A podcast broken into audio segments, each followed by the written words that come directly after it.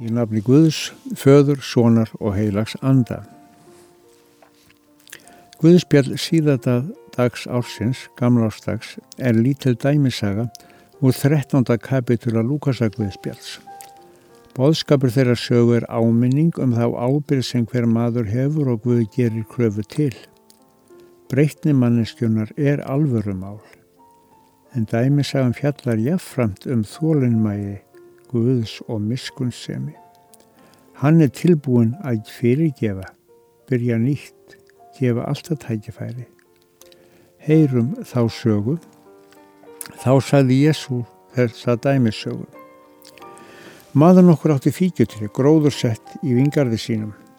Hann kom og leitaði ávakstar á því og fann ekki. Hann sagði þá við vingarsmannin, í þrjú ár hef ég komið og leitað ávakstar á fíkjutri þessu og ekki fundið. Högg það upp. Hví á það að vera engum til gags? En hann svaraði honum, herra, lát það standa en þetta ár.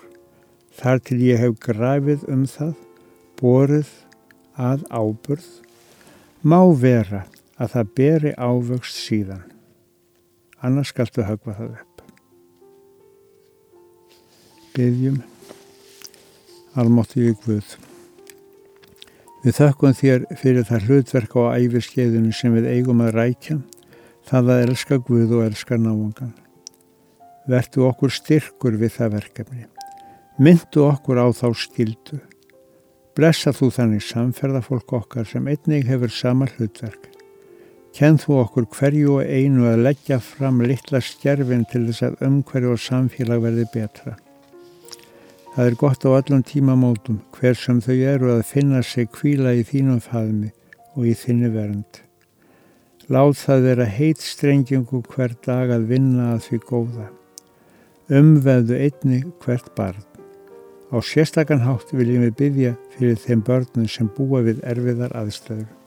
Líka þau sem ekki mæta kærleika.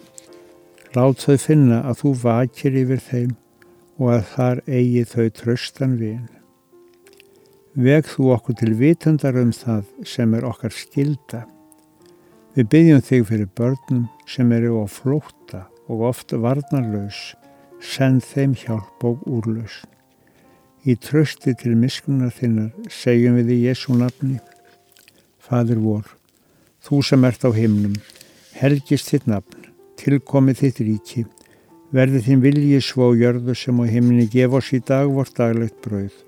Fyrir gef oss voru skuldir svo sem við erum fyrir gefum vorum skuldunautum. Egi leið þú oss í frisni heldur frelsa oss frá yllu því að þetta er ríkið, mátturinn og dýrðin að eilífi. Amen.